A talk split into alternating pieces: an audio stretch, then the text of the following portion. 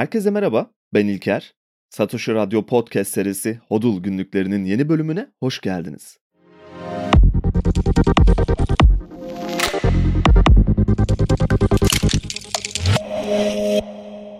Frank Zappa şöyle diyor.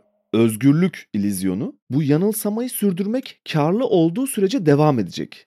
İlizyonun sürdürülmesi çok pahalı hale geldiği noktada sadece sahne dekorlarını indirecekler, perdeleri aralayacaklar, masaları ve sandalyeleri kaldıracaklar ve tüm bu tiyatronun arkasında yükselen tuğla duvarları görebileceksiniz diyor.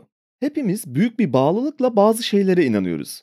Benzer bir tutku hatasına hepimiz düşebiliyoruz fakat çok küçük bir ayrıntı var. Objektif bir sorgulama sonucu elimizde kalan gerçeğin kırıntılarını yalnızca bu düşlerimizin, yanılsamalarımızın devam etmesini istememizden dolayı görmezden gelebiliyoruz. Hatta objektif bir şekilde sorgulamaktan da kaçınıyoruz çoğu zaman. Aynı karanlığa alışmış gözlerin bir anda aydınlıktan büyük bir acı duyması gibi biz de genellikle gerçeklerin acısından uzaklaşmak için kendimizi bazı ilizyonların içine hapsediyoruz. Hatta bundan büyük bir memnuniyet duyuyoruz. Tiyatronun tüm dekorları kaldırılsa bile, sahnedeki oyun sona erse bile, içinde bulunduğumuz bu yanılsamaların tüm gerçekliği ve bu zihinsel hapishanenin tuğla duvarları bize gösterilse bile yanılsamalarımızı terk etmek bize çok zor geliyor. Fiyat para sistemi bunun en kanlı canlı örneklerinden biri. Çoğu zaman farkında olmadığımız bir fare yarışı içindeyiz. Evet buna bir isim vermişler. Fare yarışı ismi. Kendimizi sürekli olarak yükümlülükler almak zorunda hissediyoruz çünkü herkes böyle yapıyor. Hafta sonu veya tatillerde başkalarını özendirecek eğlenceli ortamlarda bulunmamız gerekiyor. Çünkü bu görüntüleri Instagram'a atmak zorundayız. Pazartesi işbaşı yaptığımızda ilk işimiz diğerlerinin hafta sonu ne yaptığını konuşmak. Bir hafta evde oturabilirsiniz. İkinci hafta kendime zaman ayırdım, kitap okudum vesaire bunları anlatabilirsiniz. Ama artık bir noktadan sonra siz de ne kadar eğlenceli bir hayatınız olduğunu anlatmak zorundasınız. Ve bu sürekli olarak devam eden bir döngü. Hiçbir zaman içinden çıkılamayacak bir koşu çarkının içindesiniz demek bu. Aslında büyük bir kısmımız bunun farkındayız. Yani içinde bulunduğumuz bu tiyatro salonunun bir ilizyondan ibaret olduğunu hissedebiliyoruz. Hatta bize aynı Frank Zappa'nın söylediği gibi bir gün tüm yanılsamalarımızı yıkıp tuğla duvarları gösterseler bile bu koşu çarkından inmeye pek isteğimiz olmuyor. Sosyal medya ve mutlu hayat resimleri bir bakıma kendi kendimize kurduğumuz bir tiyatro sahnesi bu bakımdan. Her şeyin yolunda gittiğine kendimizi ikna ediyoruz. Ve çok uzun bir süredir içinde bulunduğumuz bir problem bu. Benim en azından kişisel olarak bu temel problemlerimizi anlamam çok uzun zamanımı aldı. Aslında sorun paranın kendisinde de değil. Onu kullanış biçimimiz ve dönüştürdüğümüz araç hali problem. Hep daha fazla kazanmak zorundayız. Çünkü zaman içinde daha önce elde ettiğimiz payların değeri bizim elimizde olmayan bir oranda düşürülüyor. Her zaman daha çok harcamak zorundayız. Çünkü zaman içinde daha önce elde ettiğimiz payların değeri karşılığında alabileceğimiz ürünlerin miktarı düşürülüyor. Daha çok harcama eğilimine girmek, daha fazla yükümlülükler sahibi olmak. Zenginliğin bir göstergesi olarak önümüze konulan büyük bir yanılsama. Bunun böyle olmadığını anlayacak kadar finansal okuryazarlıktan da çoğu zaman geri bırakılıyoruz. Fiyat para biriminde birikim yapmak aptalca, harcama yapmak akıllıca bir davranış olarak öğretiliyor. Birikim yapılamıyor çünkü biliyoruz ki yeterince yakın bir gelecekte bu birikimlerimizin değerleri inanılmaz oranlarda düşebilir. Özellikle aşırı yüksek enflasyon altında bu çok daha net bir şekilde görünebiliyor. Ve bir de mutlaka bir şekilde borç kullanmak zorundayız. Çünkü arzu nesnelerimize birikim yaparak ulaşabilmemiz neredeyse imkansız. Sistemin matematiği bu şekilde işliyor. Daha iyi bir araba, daha iyi bir ev, daha iyi bir tatil, daha iyi bambaşka şeylerin ihtiyacı yoksunluğuna giriyoruz.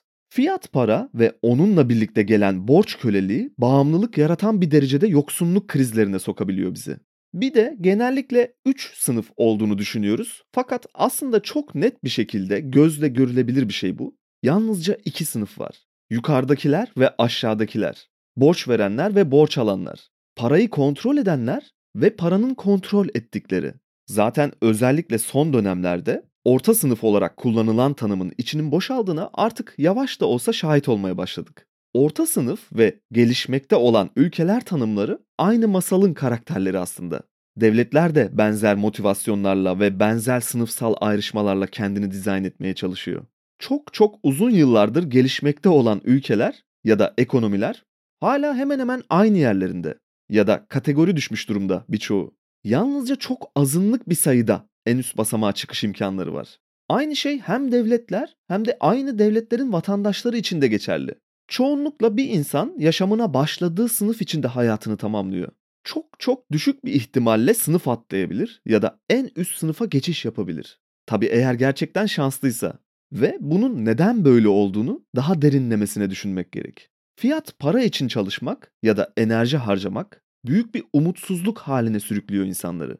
Bu fare yarışının farkında olunsa bile herhangi bir çıkış yolu yok tu en azından Bitcoin gelene kadar. Fakat o kısma daha ileride geliriz. Fiyat para dünyası bize vaat edilmiş topraklar olarak sunuluyor. Bir Amerikan rüyası satılıyor. Eğer yeterince çalışkan olursan, yeterince iyi hizmet edersen ve sebat edersen sen de yükselebilirsin. Sahi nereye gitti bundan 15-20 yıl önce televizyonlarda dönen birikim reklamları? Duygusal bir arka fon müziğiyle küçük çocukların oynadıkları reklamlardı bunlar. Ya bisiklet almak için ya da bir oyuncak hayaliyle kumbaralarında para biriktiren çocuklar resmediliyordu. Sabırlı ve azimli bir şekilde istediğin her şeye ulaşabileceğini anlatıyorlardı. Sonra zamanla kayboldu bu reklamlar. 2000'lerin başından itibaren tüm reklam sektörü birikim temasından tüketim temasına geçiş yaptı. Arzu objeleri nesnelenmeye başlandı. Hatta hiç aklımızda bile olmayan ihtiyaçlarımız olduğunu fark etmeye başladık bunlarla birlikte. Bütün müzik endüstrisi, pop kültürü bile bunun etrafında yeni bir evrim geçirdi. Onun arabası var gibi, Fulish Kazanova gibi mesela. Bu yalnızca bizimle alakalı bir durum da değil üstelik. Tüm dünya buna evrildi ve farkında bile olmadan ne satılıyorsa, ne iş yapıyorsa ya da yoksunluklarımızı nasıl doyurabiliyorsak işte o noktaya evrildik. Artık bugün hiçbir reklamda kumbarasını kıran bir çocuk figürü göremezsiniz. Bu satmaz çünkü artık. Özellikle de son dönemlerde. Fakat bu noktaya nasıl geldik? Ve geldiğimiz yer tam olarak neresi? Biraz bu soruların üzerinde duralım. İnsan ne ile yaşar mesela? Belki de tüm mesele burada başlıyor. Bu soru aynı zamanda neredeyse 150 yıl önce yazılmış bir Tolstoy hikayesi. Belki birçoğunun artık çok iyi bildiği çiftçi Pahom'un hikayesi. Pahom sıradan bir köylüyken ve köyünde varlıklı insanların topraklarını işleyen bir çiftçi olarak çalışırken bir noktada artık yavaş yavaş kendi de toprak sahibi olmaya başlıyor. Daha öncesinde toprağını işlediği efendilerinin acımasız tavırlarına karşı sürekli şikayet eden Pahom yavaş yavaş değişmeye başlıyor. Hatta kendi arazisine zarar verdiğini düşündüğü komşularını şikayet bile ediyor yetkililere eften püften sebeplerle. Sürekli daha fazla nasıl toprak sahibi olurum? Aklı fikri bunda. Bir gün uzaklardan gelen bir misafir ona çok daha verimli toprakların olduğu ve toprak sahibi olmanın da çok daha ucuz olduğu bir yeri anlatıyor.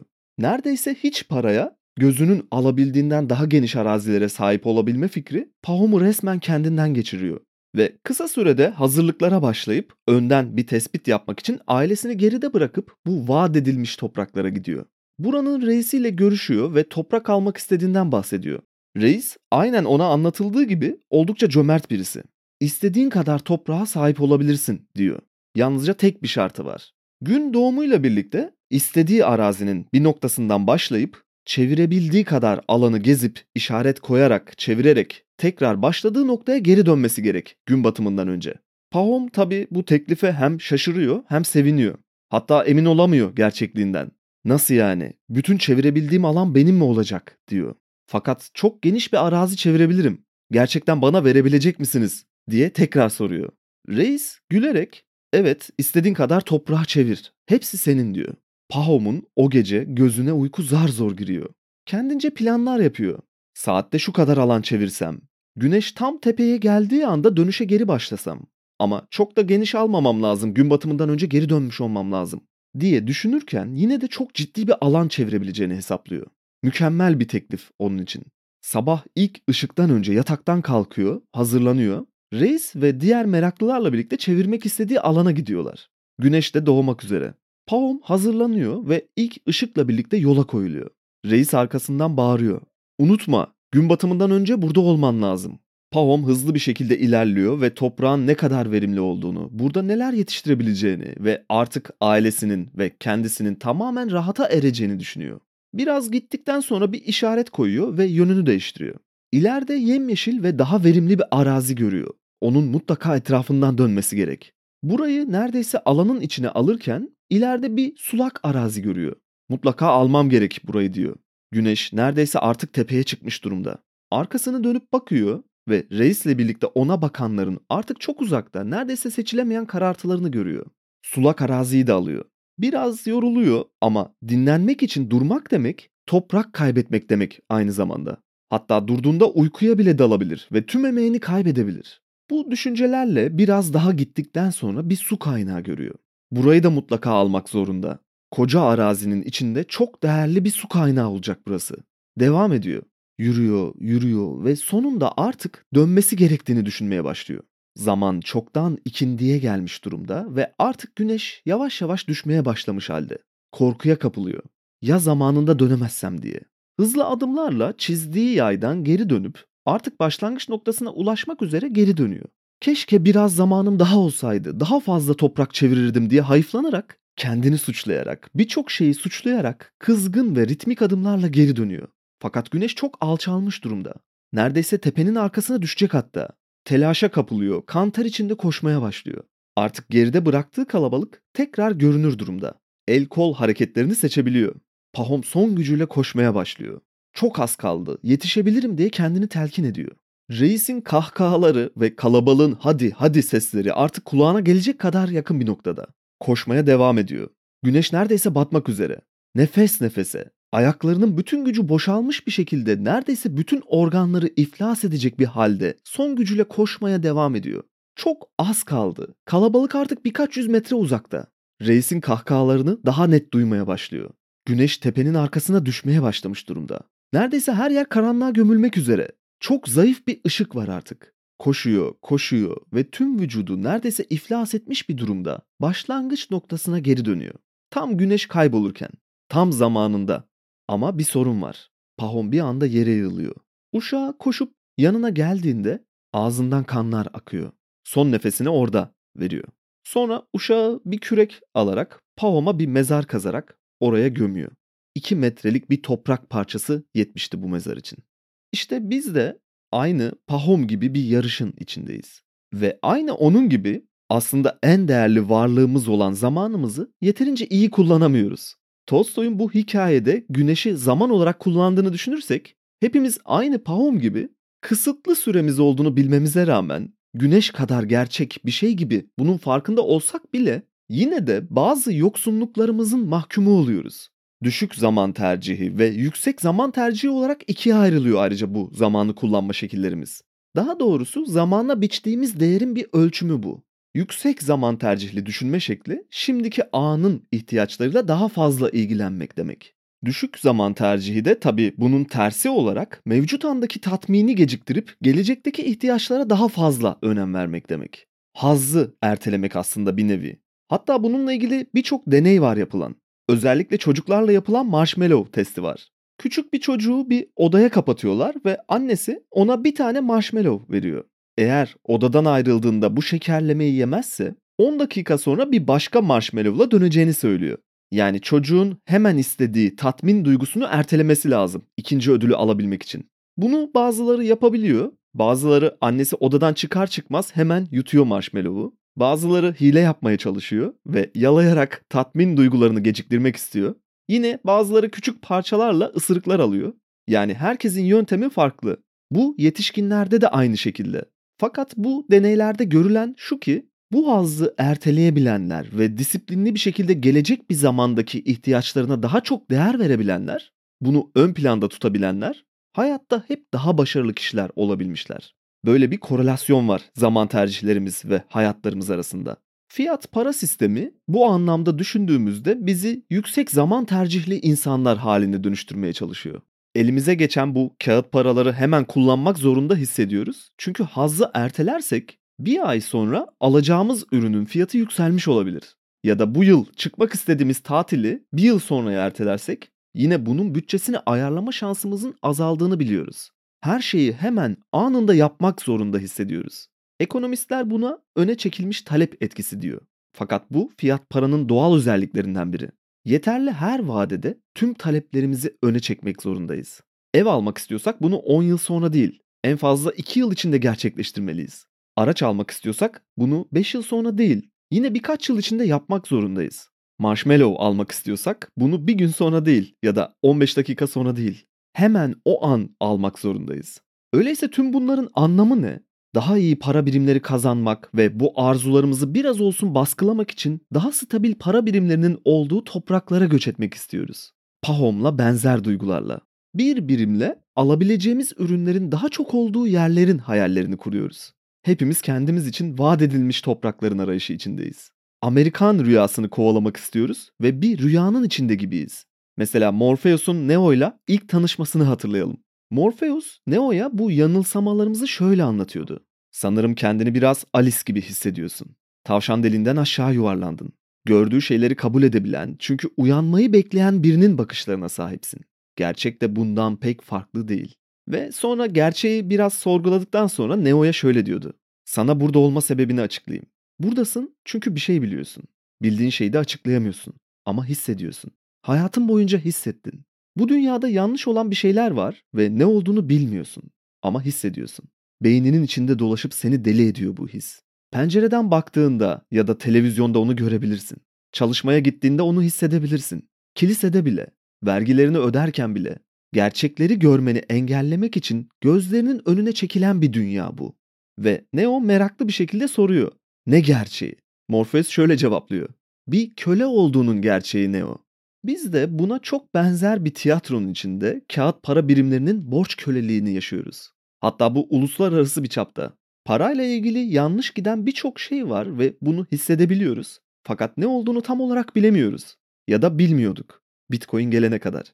Ve bu uluslararası bir problem diyorum. Çünkü özellikle daha önce de bahsettiğim gelişmiş ülkelerin ya da eski koloni efendilerinin insan gücü üzerinden sağladığı kölelik bugünlerde tamamen kağıt para sisteminin onlara sağladığı avantajlarla farklı bir boyuta taşınmış durumda. Bunu dünyanın her yerinde görebiliriz. Sadece hissetmiyoruz artık. En azından yeterince dikkatli bakanlar için geçerli bu. Alex Gladstein'in daha yeni yazdığı bir makale var bununla çok ilgili bir konuda. Dünya Bankası ve IMF'nin neler yaptığını çok detaylı bir şekilde açıklıyor ve merak edenler varsa bu anahtar kelimeler üzerinden aratarak çok rahat bir şekilde bu makaleye ulaşabilirler. Hatta bu makaleden sonra konuyla ilgili verdiği bazı röportajlar da var. Yine onlara da mutlaka bakmanızı tavsiye ederim. Çok çarpıcı bir hikayeyle başlıyor yazısı. Bangladeş ve karides yetiştiriciliği. IMF ve Dünya Bankası'ndan önce biraz bahsetmek gerekiyor ama.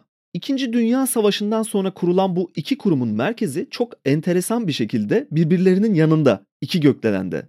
Washington DC'de bulunuyor. Hatta birbirlerine direkt bağlantılı geçişlerle bağlılar. Birinin yönetim kurulunda olan birisi, diğerinin de yöneticilerinden biri oluyor. Misyonları birbirinden tamamen farklı kurulan iki kuruluş fakat tamamen iç içe geçmiş bir yapıda iş yapıyorlar. Hatta iş seyahatlerine bile birlikte çıkıyorlar. Mesela fakir bir Afrika ülkesini birlikte ziyaret ediyorlar. IMF daha çok bir kreditör rolünde hepimizin bildiği gibi ve Dünya Bankası da gelişmekte olan ülkelerin desteklenmesi için proje destekleme rolünde. Ülkemizde de birçok Dünya Bankası destekli barajlar, santraller ya da okullar, konut projeleri gibi birçok proje yapıldı. Yapılmaya da devam ediyor. Fakat amaç sadece bir amme hizmeti yapmak mı? Bu kurumlar bir iyilik meleği mi? Alex Gladstein makalesinde bunu sorguluyor ve çok çarpıcı bir cümlesi var. Direkt aktarmak istiyorum. IMF ve Dünya Bankası yoksulluğu düzeltmeye değil, yalnızca alacaklı ülkeleri zenginleştirmeye çalışıyor, diyor. Bangladeş örneğine dönersek 1970'te çok ciddi bir kasırga felaketi yaşanmış. Bola kasırgası. 1 milyondan fazla insanın öldüğü tahmin ediliyor. Tarihin en ciddi kayıplı felaketlerinden biri bu. Bangladeş nerede diye soracak olanlar için Hindistan'ın hemen komşu ülkesi. Bir kıyı ülkesi aynı komşusu gibi. Bu kasırga sonucu birçok yerleşim yerinin sular altında kalmasıyla ciddi bir kayıp ve felaket yaşıyorlar. Aynı onlara komşu ülkeler gibi. Sonrasında kıyı şeritlerini güçlendirmek için, burada setler yapmak için ve halkın gıda ihtiyacı problemlerini çözebilmek için Dünya Bankası'ndan bir kredi kullanıyorlar. Zaten bu tip durumlar için kurulan bir kurum bu. Fakat bu krediyle birlikte pirinç üreticisi ve besi hayvanı yetiştiricisi bir toplumdan biraz daha farklı bir noktaya evriliyorlar. Kıyılarının bulunduğu Bengal körfezi tam bir karides cenneti. Ve bu fırsat ciddi bir ekonomik atılım aslında. Pirince göre en azından. Karides yetiştiriciliği destekleniyor bu kredilerle. Hükümet ve yetkililer belki de bu alanda motive ediliyor Dünya Bankası tarafından. Çünkü amaç aynı Gladstein'in dediği gibi yoksulluğu ve felaketleri düzeltmekle ilgili değil. Yalnızca alacaklı tarafların kredilerini güvenceye alıp bir kar elde etmek. Bu çıkarıma şöyle varıyoruz. Karides yetiştirmek için halk sığ ve tuzlu deniz suyundan her türlü karidesi avlıyor. Hatta küçük olanları alıyor ve kendi sulak arazilerine getiriyor. Daha önce pirinç yetiştirdikleri bu topraklarda karides çiftlikleri kuruyorlar. Hatta bu da yetmiyor. Kasırgadan korunmak için yapılan setlerde gedikler açılıyor. Deniz suyunun daha iç tarlalara ulaşması sağlanıyor. Böylece daha verimli bir şekilde karides yetiştirebilirler çünkü. Yetmiyor, bölgenin en önemli ormanlarını kesiyorlar. Daha fazla çiftlik kurabilmek için ünlü mangrove ormanlarının verimli alanlarını daha fazla karides yetiştirebilmek için kesmek zorundalar. Ve tuzlu suyu buraya getirmek zorundalar. Peki bu işin ekonomisi nasıl? 2014-2015'lerde yapılan bir araştırmaya göre yaklaşık 1.2 milyon Bangladeşli karides endüstrisinde çalışıyor. Dolaylı yoldan 5 milyona yakın bir insan bu sektöre bağımlı. Bu da bu kıyı felaketinde fakirleşen halkın yarısından fazlası demek. Yine işin en zor kısmı olan karides toplama iş gücünün %50'sini bu fakir halk yapıyor. Fakat karın yalnızca %5 civarı onların. Bu çalışanların da en az üçte biri çocuk işçi. Tuzlu suyun içinde günde 8-9 saat çalışarak günlük 1 dolardan daha az kazanıyorlar. 2007'deki bir araştırmaya göre hektar başına 1000 dolar üstündeki gelirin net karı 700 dolar civarına yakın olduğu hesaplanmış bu arada. Bugünlerde eğer topraklarını bu tuzlu suyla doldurup verimli arazilerini yok etmemiş olsalardı şu anda yaptıkları karides işinden çok daha yüksek gelirli bir pirinç üretimi yapabileceklerinin farkına varmış durumdalar. Eskiden neredeyse ihtiyaçları olan her şeylerini bu topraklardan karşılarlarken bugünlerde tamamen market alışverişine ve temel gıda ihtiyaçlarını satın almak zorunda kalmış durumdalar. Karides lordlarının çiftçilere arazilerini kullanmak için yıllık 140 dolar kira ödeme sözleri bugünlerde 8-10 dolar civarlarına düşmüş durumda. Ve bu ödemeyi düzenli bir şekilde alabilirlerse şükrediyorlar. 70'lerden sonra yani felaketten sonra yıllık karides ihracatı karı rakamları 3 milyon dolar civarlarından 10-15 yıl içinde 80'lerin ortalarına doğru 90 milyon dolar civarlarına çıkmış. 2012'de bu rakam 600 milyon dolara kadar yükselmiş. Fakat bu karın büyük bir kısmını karides lordları ve üst düzey yetkililer alıyor. Gladstein bu durumu şöyle özetliyor. Gelişmekte olan ülkelerde çoğu durumda olduğu gibi gelirlerin büyük bir kısmı dış borcu geri ödemek, asgari gücü geliştirmek ve hükümet yetkililerinin ceplerini doldurmak için kullanıldı. Karides işçilerine ya da kölelerine de denilebilir. Onlara gelince onlar daha da yoksullaştılar. Eskisinden daha az özgür, daha bağımlı ve kendi kendilerini besleyebilecek durumda değiller. Bu olayın belki daha da çarpıcı kısmı hikayenin sonu. 2013'ten sonra kamuoyu baskısı sebebiyle Dünya Bankası Bangladeş'e 400 milyon dolar daha borç verdi. Bu sefer yaratılan ekolojik hasarı tersine çevirmek için. Yani Dünya Bankası ilk aşamada kendilerinin yarattığı problemi çözmeleri için ülkeye tekrardan faizle geri ödemesi üzerine yeni bir borç vermiş oldu. Akıl tutulması yaşamamak elde değil. Hikayeyi de fazla uzatmadan bu araştırma makalesinin devamına mutlaka bakmanızı tavsiye ederim. Bu Bangladeş örneği ki bunun gibi birçok örnek var. Kağıt para sisteminin hem ülkeler bazında hem de bireysel anlamda ne gibi sonuçlar doğurduğunu gösteren en iyi örneklerden biri. Bitcoin işte bu Matrix'ten ya da içinde bulunduğumuz simülasyondan çıkışı sağlıyor. Kağıt para sisteminin yozlaşması ve sürekli olarak belirli bir grubun elinde toplanması yapısal bir tasarı durumu. Matematiği bu şekilde çalışıyor. Bitcoin kendi tasarlanma biçiminde double spend yani çifte harcama problemini çözüyor olsa da kağıt parayla ilgili çok daha büyük bir problemi çözüyor. Kağıt para sistemi triple spend, quadruple spend hatta sınırsız oranda kopyalanarak çalışan büyük bir tasarı problemini içinde barındırıyor. Neredeyse bir ponzi şeması halinde çalışıyor sistem. Ayrıca bu durumu daha iyi anlayabilmek için fiat mining ve bitcoin mining karşılaştırmasına daha detaylı bakmamız gerekiyor. IMF ve Dünya Bankası'nın uygulamalarını ve yapısal düzenini bir kenara bırakırsak ki çok büyük rolleri var mevcut finansal düzenin uygulanmasında, fiat mining dediğimiz şey bir değer yaratma olarak düşünülebilir. Aynı Bitcoin madenciliğinde olduğu gibi aslında. Fakat fiat para sisteminde bunu yapabilmek için para üzerinde söz sahibi olanların kaynaklara sahip olanları kolonileştirmesi söz konusu. Borç köleliği dediğimiz şey de bu zaten.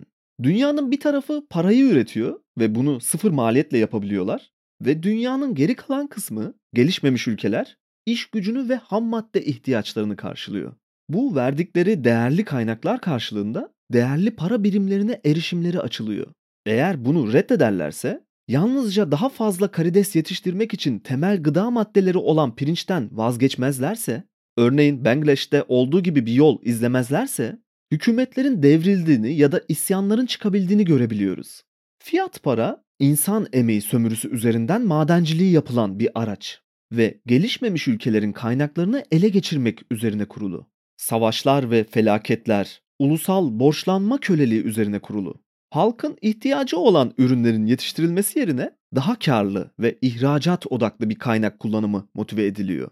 Ve bunu yapabilmeleri için rekabetçi olmak zorunda ülkeler. Kendi para birimlerinin değerini düşürmeliler ki ürünlerini ucuz ve makul fiyatlarla ihraç edebilsinler. Para birimlerinin değerini ne kadar düşürürlerse dış piyasaya o kadar rahat açılabiliyorlar. Gelişmiş ülkeler de bu tarz ülkelerde fırsatlar kovalayıp yatırımlarını daha rahat yapabiliyorlar böylece. Bunun oldukça depresif bir sonucu var. Halkın artık kendi ihtiyaçlarını bile üretmekten uzaklaşması, temel ihtiyaçlarında bile dışa bağımlı hale gelmesi ve sürekli değer kaybeden para birimleri yüzünden daha çok çalışmak zorunda kalması gibi. Barınma, ulaşım ve gıda gibi temel ihtiyaçlarını bile karşılayamayacak bir seviyeye kadar düşülebiliyor. Çünkü kendi para birimleri hükümetlerin aldıkları borç ve krediler sebebiyle değer kaybetmek zorunda. Ayrıca hükümetler de bu uluslararası güçlü para birimlerine ve rezerv para birimi dolara tamamen muhtaç durumda. Bu para birimlerini oldukça likit bir şekilde elinde tutması gerek. Eğer böyle yapmazsa kıtlık yaşanabilir. Burkina Faso'da, Nijerya'da, Bangladeş'te, Sri Lanka'da, Venezuela'da ve hatta bunun gibi birçok örnekte aynı şeyleri tekrar ve tekrar görüyoruz. Savaşlar yine benzer sebeplerle sürekli gündemimizde. Sürekli diken üstündeyiz. Her an iki çatışan ülke ya da çoğunlukla bu gelişmemiş ülkeleri kolonileştiren güçlü devletler kaynaklar konusunda bir çıkar çatışmasına girebilir ve hiç anlayamadığımız bir şekilde aniden tahrip gücü inanılmaz yüksek savaşlar başlayabilir. Ayrıca dünyanın bu kaynayan noktaları sürekli olarak belirli bir sıcaklıkta tutulmaya sanki istekli bir şekilde özen gösteriliyor. Otoriter rejimler ve diktatörlükler destekleniyor. IMF ve Dünya Bankası'nın kredilerinin en azından üçte birinden fazlası bu tarz devletlere akıyor. Bu bir tesadüf değil. Bu onların iş yapış biçimleri. Diktatör ve otoriter rejimlerle çalışmaya bayılıyorlar. Çünkü bu şekilde yozlaşmış adalet sisteminin açıklarından ve insanların artık bir umutsuzluğa dönüşmüş iş gücü kaynaklarından daha rahat bir şekilde faydalanabiliyorlar. Aynı bir önceki bölümde House of Cards dizisinde geçen paylaştığımız o sahne gibi Frank Underwood karakterinin söylediği gibi zarlar hileli, kurallara şike karışmış durumda. Fiat Mining, dünya nüfusunun en azından üçte ikisinin yoksulluk ve açlıkla mücadele etmesini sağlayarak yalnızca elit bir azınlık için çıkar sağlayan bir değer üretme biçimi. İstediğiniz zaman sisteme girip çıkamazsınız. Maliyetleriniz yükseldiğinde masadan kalkamazsınız. İş gücünüz yeterli olmadığında bir noktada artık duramazsınız. Örneğin Bangladeş'in borcu son 50 sene içinde 50-100 milyon dolar civarlarından bugün 19 milyar dolar civarlarına çıkmış durumda. Kendilerine ve vatandaşlarına nasıl fayda sağladığı belirgin olmayan bir borç dağı büyümesi.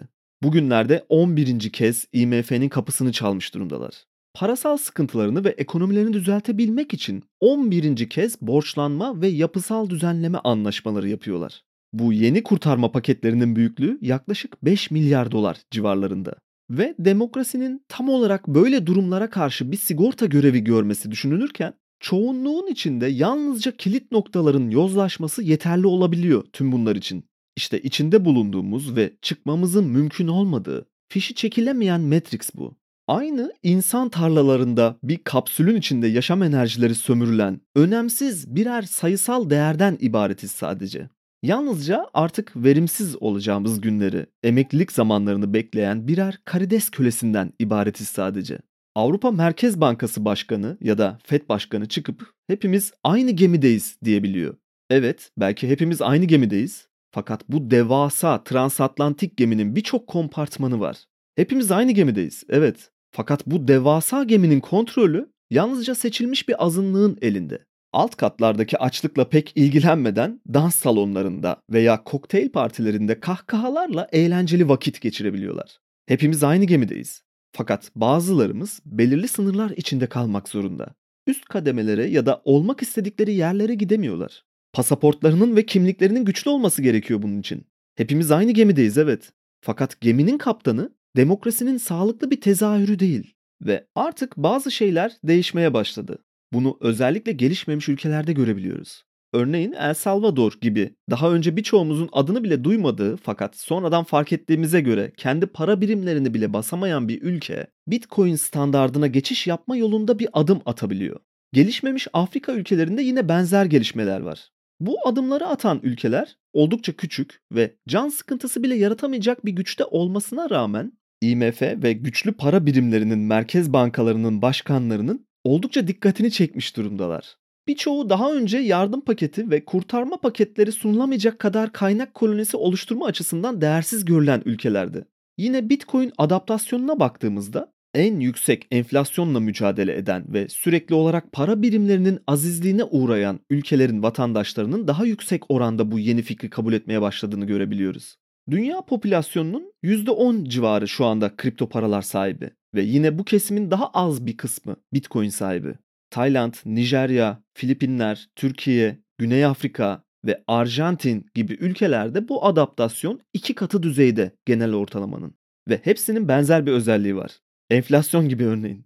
Borçluluk durumları gibi mesela. Ayrıca birer karides kölesi olarak emeklilik planlarımızı düzenleyen devletlerin borçlanma yüklerini hafifletiyoruz. Bunda üstümüze yok. 65 yaşında kenara çekilmek için ve kıt kanaat geçinebilmek için en değerli varlıklarımızı takas ediyoruz. Borçlanmak bir hayat standardıdır bizim için. Yüksek zaman tercihlerimizle anı yaşamak için geleceğimizi ipotek altına aldırırız. Her gün ya da her baskılı zamanlarda kuralların bir takım azınlıklar için değiştirilebileceği gerçeğiyle yarınlarımızı bugünler için bir takas içindeyizdir sürekli. Gelecek hep belirsizdir. Geniş ufuklara bakıp hayaller kurmaktan çok uzun zaman önce vazgeçtik. Umut etmekten, yarını düşünmekten ve bugün bir şeyler yapma isteklerimizden tamamen uzaklaştık. Problemi detaylı düşünmeye başladığımızda yanlış giden bir şeyler olduğunu ve bunun merkezinde kağıt para sisteminin olduğunu görmemek için, tiyatro salonunu terk etmemek için ve rüyalarımızdan uyanmak istemememizin sebebi öğrenilmiş bir çaresizlikten kaynaklanıyor olabilir. Ve eğer bu borç köleliği bir uyuşturucuysa merkez bankaları ve IMF gibi fonlar içinde sistemin satıcıları veya daha kaba bir tabirle torbacıları diyebiliriz. Ve bu durumda bağımlılar da gelişmekte olan ülkeler ve onların vatandaşları oluyor. Bu taraflardan herhangi birinin temize çıkmak istemesi, durmaya çalışması pek mümkün görünmüyor. Bitcoin bu anlamda yeni bir gelecek sunuyor. Umudu tekrar aşılıyor ülkelere ve toplumlara tabii ki. Borçlanma üzerine kurguladığımız yozlaşmış parasal sistemin antikoru olarak ekonominin damarları arasında yolculuğuna henüz daha yeni başladı sayılır. Bitcoin standardı kabulü ve ekonomilerin buna uygun dizayn edilmesi önümüzdeki en umut verici çözüm gibi görünüyor. Yeni şeyler söyleyene dek bu haftalık HODL günlüklerinin sonuna geldik. Satoshi Radyo ve Satoshi TV hesapları üzerinden programı takip etmeyi ve beğendiyseniz paylaşmayı unutmayın lütfen. Ayrıca bildirimleri açarsanız birbirinden farklı içeriklerden daha verimli bir şekilde haberdar olabilirsiniz. Bir sonraki bölümde görüşmek üzere.